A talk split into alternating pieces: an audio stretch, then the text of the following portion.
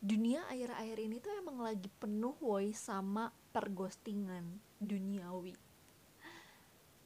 kayak nggak tahu aja banyak yang jadi korban ghosting tapi banyak juga yang jadi hobi ngeghostingin orang lain dan well di podcast kali ini aku bakal membagikan dua insight sebagai pelaku ghosting dan juga sebagai korban ghosting. Dan perlu digarisbawahi ya, aku ini perempuan dan mungkin alasan ghosting perempuan dan laki-laki bisa aja berbeda. Karena menurut aku um, beberapa kali aku ghosting orang lain, aku punya alasan yang cukup kuat mungkin valid bagi diri aku sendiri but aku nggak tahu apakah ini valid buat orang lain atau enggak cuma ya intinya dari podcast ini aku pengen aja kalian tahu gitu sebenarnya apa sih alasan dibalik ghosting. Jadi seenggaknya mungkin kalian bisa merasa lega sedikit. Beberapa bulan yang lalu aku sempat trauma banget woi kayak aku udah bertahun-tahun sama orang dan aku bener-bener gak pernah kepikiran bakal putus atau lepas dari orang ini.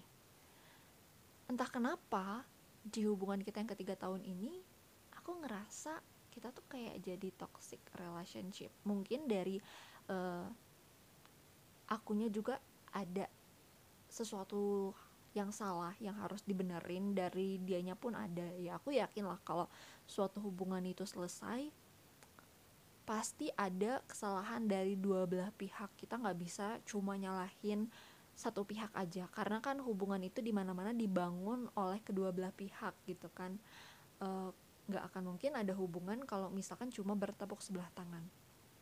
Jadi ya aku mengakui bahwa aku juga ada um, letak kesalahannya. Beraku bener-bener trauma yang sampai nggak bisa ngebuka hati buat orang lain lagi. Aku nggak tahu ini tuh beneran trauma atau memang karena belum aja ada orang yang cocok. Ngerti nggak sih? Kayak aku bingung aja ngebedainnya tuh gimana tapi ini tuh nggak hanya satu atau dua orang bahkan lebih dari dua orang yang berusaha untuk ngedeketin aku tapi aku yang ada tuh netral. Kalau enggak ya ilfeel atau aku cuma kayak di tengah-tengah tapi tiba-tiba di tengah-tengah tuh aku kayak punya pertimbangan lain sama orang ini gitu. Eh, kayaknya ini nggak cocok deh buat aku gitu. Bener banget sih buat teman aku uh, Ninda. Oke nih nama asli biarin lah ya. Jadi waktu itu aku curhat sama Ninda. Terus uh, dia bilang bahwa ketika kita lepas dari toxic relationship oke okay, kamu bakal ngerasa it's new me ini aku yang baru. Tapi yang gak semudah itu lo tuh gak akan serta merta bebas terus uh, gampang membuka hati untuk semua orang yang mendekati tapi setelah kamu ngerasa it's new me kamu bebas kamu udah nggak terikat lagi sama toxic relationship kamu tuh masih punya trust issue yang di mana kamu ngerasa bahwa apa ya hubungan tuh untuk memulai sebuah hubungan tuh nggak semudah itu. Kamu tuh jadi banyak pertimbangan banyak suuzon ke orang. Orang ini tuh serius nggak ya sama aku? Orang ini tuh tepat nggak ya buat aku? Orang ini tuh bener nggak ya? Dan lain-lain aku pikir ya setiap orang kan beda-beda ya. Mungkin itu bakal dirasain sama teman aku doang. Tapi ternyata aku juga melewati fase ini. Sumpah capek banget woi kayak ya gue juga pengen dekat dan membuka lembaran baru sama orang. Cuma masalahnya ya gak tahu kenapa ya gak bisa aja gitu. Beberapa bulan setelah aku putus beberapa minggu atau beberapa bulan pokoknya nggak lama setelah aku putus aku download sebuah uh, aplikasi chatting tapi bukan Tinder. Karena aku kayak sebelum aku download aplikasi ya biasanya aku ngebandingin dulu nih. Anggaplah aku mau download sosial media antara Instagram, Facebook, Twitter aku pasti bandingin dulu lebih unggul yang mana sih plus minusnya apa sih uh, benefit apa yang bakal aku dapetin dari setiap aplikasi. Orang-orangnya kayak gimana sih uh, culture-nya gitu dan ya setelah aku lihat-lihat kebanyakan orang itu nge-review Tinder ya harus berhati-hati karena rata-rata orang yang main Tinder itu aku nggak menjelek-jelekan aplikasinya ya.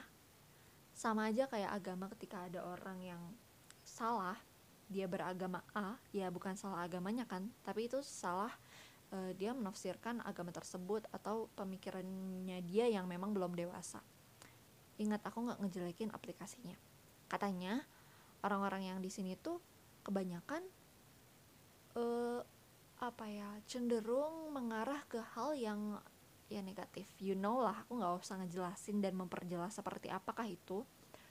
Pokoknya uh, cenderung ngarah ke yang plus plus gitu lah dan aku nggak mau kayak gitu. Toh aku cuma pengen nyari teman yang bisa ngasih insight baru buat aku yang bisa um, ngobrol-ngobrol asik lah sama aku. Kenapa sih kok e, nyarinya aplikasi chatting yang pasti lo bakal chatting sama lawan jenis. Kenapa nggak yang chatting sama perempuan?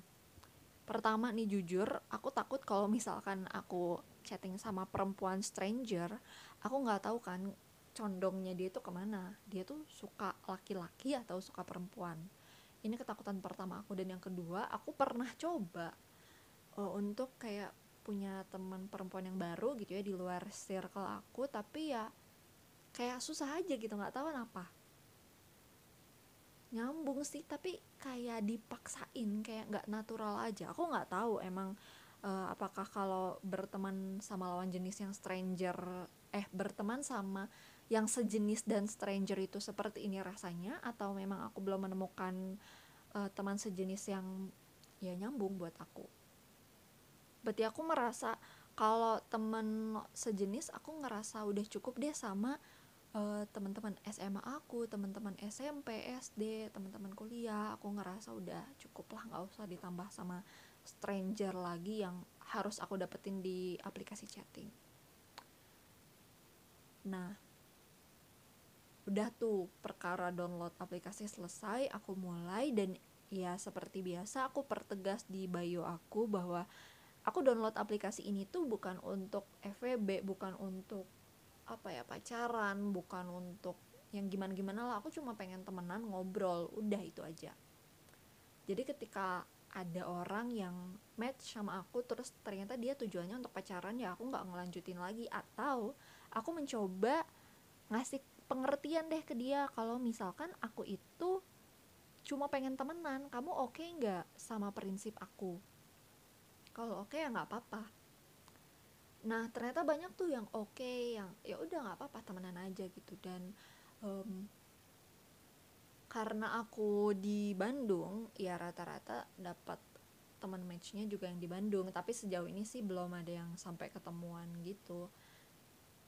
Oke okay, ada satu orang yang bener-bener nyambung di aplikasi itu e, baik sopan ya tipe-tipe apa ya soft boy tapi asik gitulah. Akhirnya kita lanjut di Instagram. Kenapa nggak ke WA karena aku bukan tipe orang yang ngasih nomor WA tuh ke stranger. Aku cuma mem, apa ya ngasih nomor WA itu ke orang-orang yang di circle aku aja gitu. Entah itu komunitas keluarga organisasi kelas uh, pokoknya urusan perakademikan gitu kalau misalkan untuk hahaha sih nggak pernah ya aku kasih WA karena menurut aku e, kalau orang stranger aku kasih WA kayak ganggu aja gitu ganggu privasi aku nggak tahu kenapa lah aku mikirnya kayak gitu. Tapi ya ternyata memang sejauh ini banyak kok orang-orang yang agak risih juga kalau misalkan ngasih WA-nya ke stranger. Akhirnya kita lanjut di Instagram ngobrol. Dan lo tau gak sih kayak gak pernah tuh nanya yang lagi apa udah makan atau udah sholat belum. Mungkin pernah sih kayak sekali dua kali. Tapi obrolan kita cuah obrolan kita tanpa pertanyaan klasik seperti ini tuh tetap berjalan. Kayak tetap ngalir aja gitu. Dan ini adalah satu salah satu kriteria yang aku suka dari cowok. Jadi dia tuh kayak ada inisiatif buat ngobrol. Aku pun kalau misalkan cowoknya asik ya aku nyambung gitu loh ngerti gak sih? Kayak ketika udah mulai habis topik obrolan aku juga jadi berinisiatif untuk ngobrol. Nah e, cowok ini lebih tua dari aku. Terus katanya dia punya adik seumuran sama aku. Gak ada masalah sih sampai akhirnya e, ada di hari di mana kita itu ada rencana buat ketemu nah waktu itu aku ada lomba fashion show gitulah. Pokoknya aku cerita-cerita gimana perasaan aku saat aku ikut lomba tersebut. Dan katanya dia mau jemput aku di tempat aku ikut lomba fashion show. Gak tahu kenapa guys ini bener-bener super randomly super random banget pokoknya. Aku ngerasa kayak anjir woi gue nggak bisa kalau misalkan lo jemput gue kayak selama tiga tahun aku itu cuma dijemput kalau nggak sama orang tua nih sama pacar ya sama mas mantan atau sama gojek. Gue nggak pernah yang namanya dibonceng sama cowok lain. Dan nggak tahu kenapa nih di pikiran bodoh gue gue ngerasa kayak kalau dibonceng sama cowok lain tuh berarti gue selingkuh. Padahal kan ya jelas-jelas aku udah putus gitu loh. Kenapa harus mengkhawatirkan hal yang seperti itu lagi yang super nggak penting tapi beneran deh kayak ngerasa deg-degan aduh nanti kalau misalkan dia ngejemput di motor ngobrol apa ya? Terus harus kayak gimana ya? Bakal awkward gak sih? Dan akhirnya ya karena oke okay, aku mikirkan dia udah inisiatif nih pengen ketemu. Ya udah minimal biar aku menghargai usahanya dia aku bilang nggak usah dijemput tapi ketemu aja di tempat gitu. Aku sebutlah suatu mall yang deket dari tempat fashion show aku aku bilang dong di situ aku pengen sekalian meet time. Gimana kalau kita ketemu aja di situ? Terus apa coba? Dia bilang nggak jadi. Nggak jadi nggak apa-apa. Kamu kan mau me time. Uh, apa sih? Lain kali aja kita ketemu gitu katanya. Dan di situ tuh aku langsung males nggak tahu kenapa ya kayak aduh udah males ngejelasin deh kayak kenapa sih orang nih biasanya mas mantan tuh kalau aku bilang nggak usah dijemput ketemu aja di sini dia langsung tahu gitu nggak usah pakai nggak enakan segala. Lagi-lagi aku tuh ngebandingin sifatnya mas mantan dengan si orang baru ini. Yang mana aku sadar bahwa kayaknya aku itu cuma ngerasa kesepian deh. Dan sebenarnya masih belum bisa lepas dari bayang-bayang mas mantan. Walaupun memang untuk balikan lagi sama mas mantan sih aku belum bisa dan kayaknya nggak bisa. Tapi kayak ngerasa apa ya kayak aku tuh masih ngebanding-bandingin aja gitu.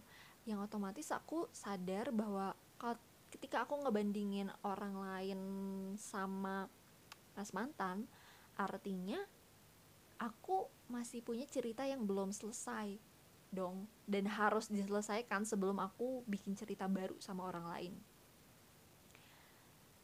dan dari situ tuh aku kayak anjir udah salah nih gue kayaknya. Gue tuh kayaknya nggak suka deh sama orang ini. Karena kalau misalkan suka aku nggak mungkin males sama orang karena hal yang sepele. Ngerti gak sih? Gitu.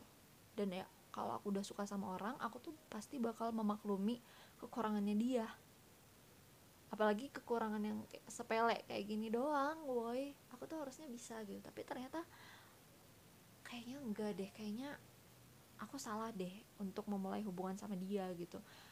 Kenapa aku ghosting mulai dari hari itu? Karena alasan yang bodoh banget.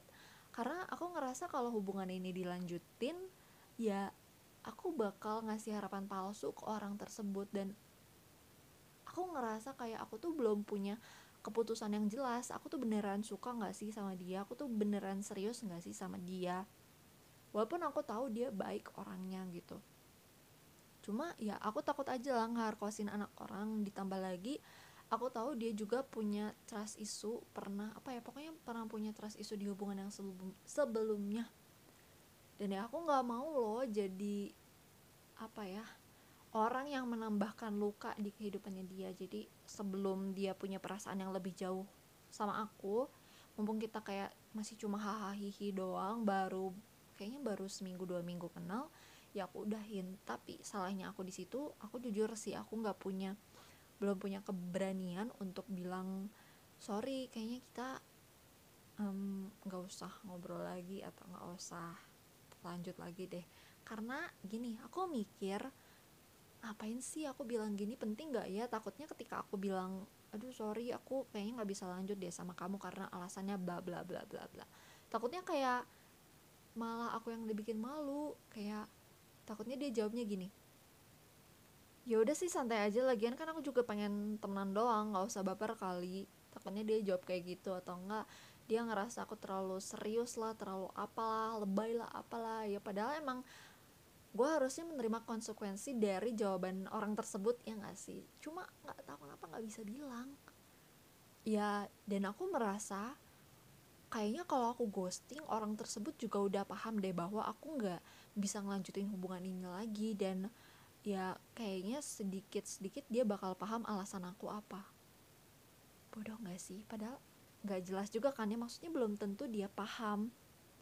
Karena kan kita nggak ngejelasin apa pun ke dia ya udahlah intinya gue ghosting di situ dan gue ngerasa lega karena ya gue yakin banget dia belum suka sama gue maksudnya kayak masih tahap tertarik doang. Nah lanjut nih ke orang yang berikutnya.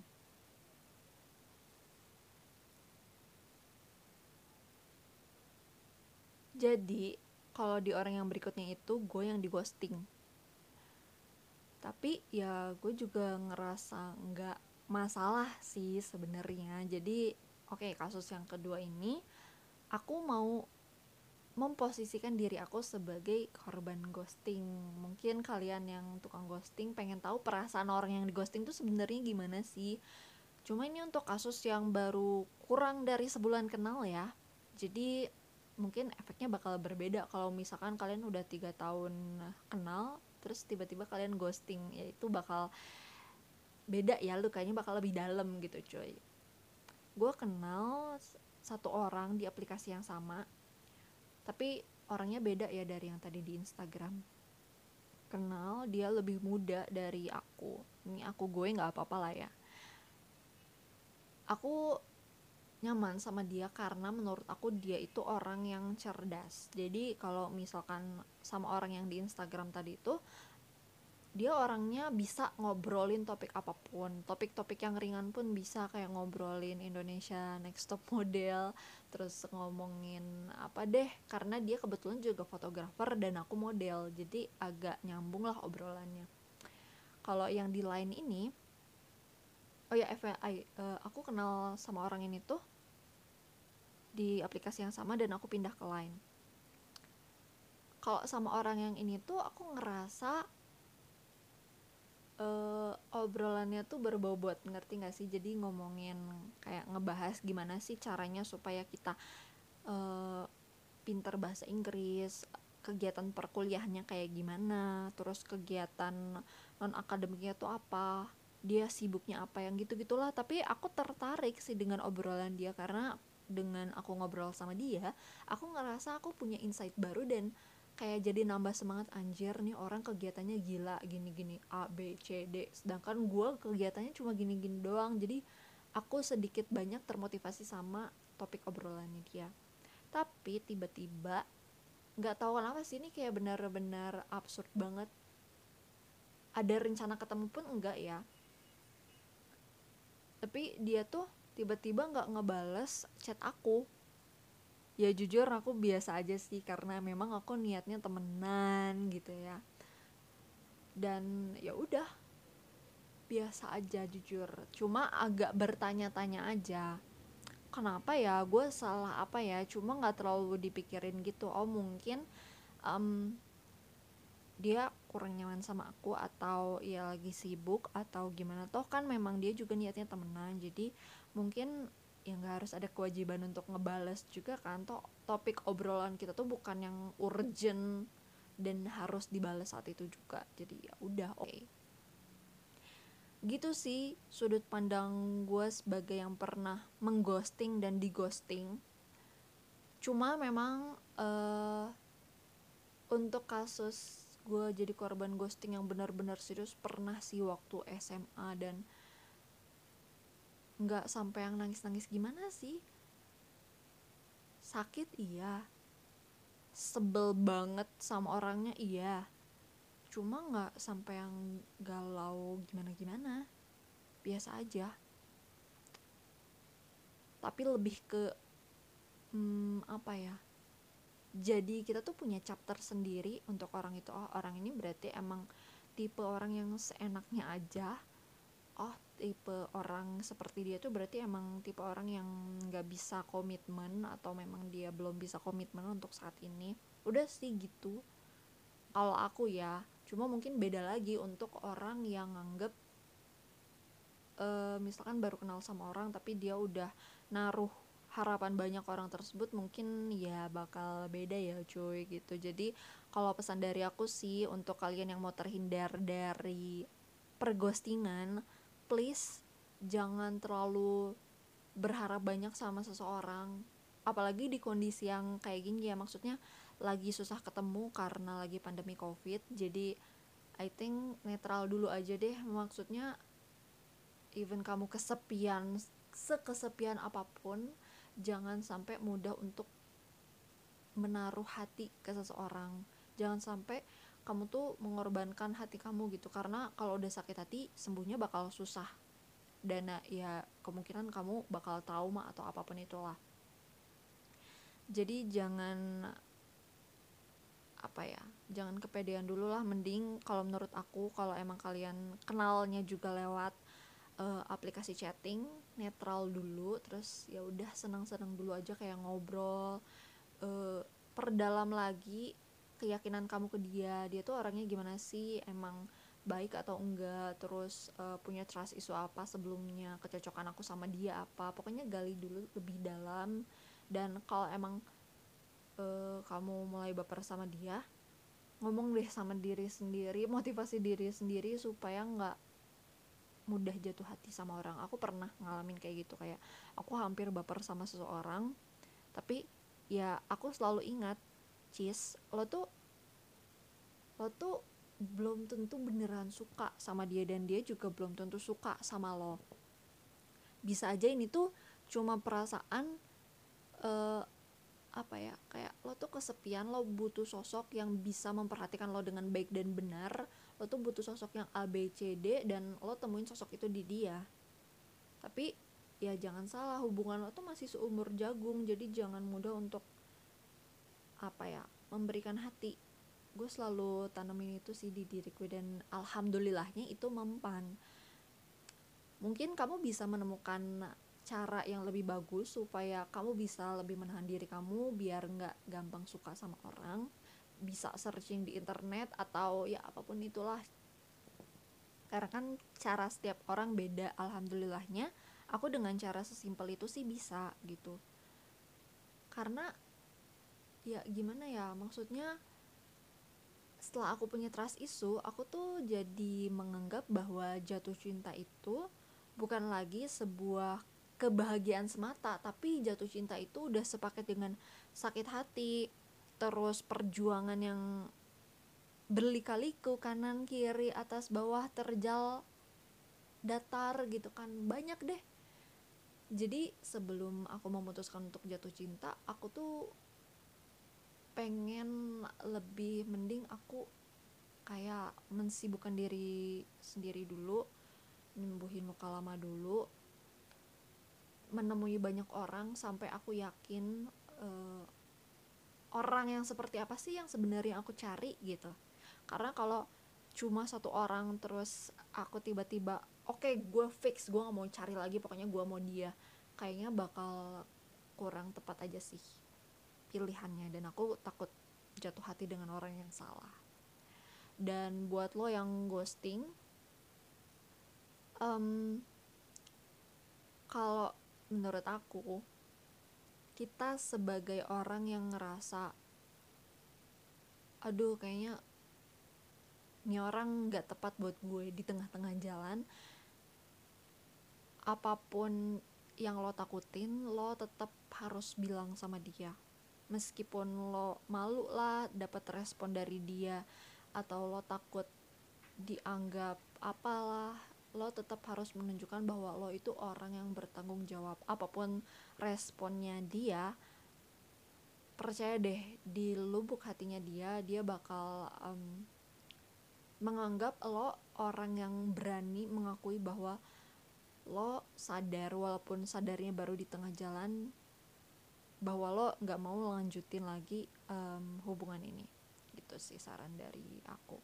Jadi semoga untuk uh, perghostingan duniawi ini kita bisa lebih bijak menyingkapinya baik itu dari segi dari segi dari sisi pelaku dan juga dari sisi korban gue harap kita semua bisa menemukan uh, cinta yang tepat untuk kehidupan kita dan juga bisa lebih bijak dalam menyikapi segala sesuatu yang terjadi di kehidupan ini. Karena gue tahu semenjak covid ini banyak hal yang berubah entah itu dari hubungan dari pencapaian lo dari mental lo mungkin. Jadi aku harap kita semuanya kuat tetap bahagia kalau pun misalkan lo ada di titik terendah selalu berdoa dan jangan malu untuk cerita ke orang terdekat.